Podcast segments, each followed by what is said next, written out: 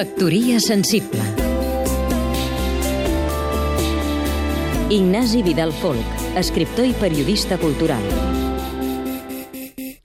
Josep Guixà diu en el seu llibre Espies de Franco que Josep Pla no només és veritat que durant la Guerra Civil feia d'espia al port de Marsella al servei del bàndol nacional o facciós, sinó que ja abans, durant la República, era col·laborador assidu de les revistes i diaris de la Falange Fe i Arriba.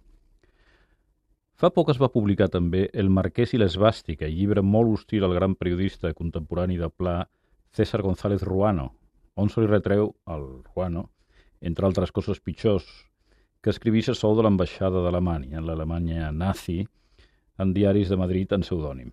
Ruano no era probablement una bona persona, però era un gran escriptor. Per això el seguim llegint. Escriure al servei d'estratègies confuses, d'interessos secrets i ocults, en comptes de fer-ho amb sinceritat i independència, no és excepcional. És el que fan tants periodistes massells d'avui que cobren per activa o per passiva de la Generalitat o dels partits polítics i escriuen el seu servei.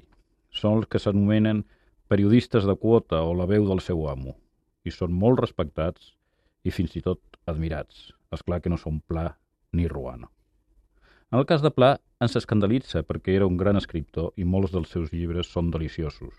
Ens agradaria que algú que escrivia també fos un ésser angelical. Però succeeix que els grans escriptors no solen ser exactament bones persones. Amb els bons sentiments normalment no s'escriu bé.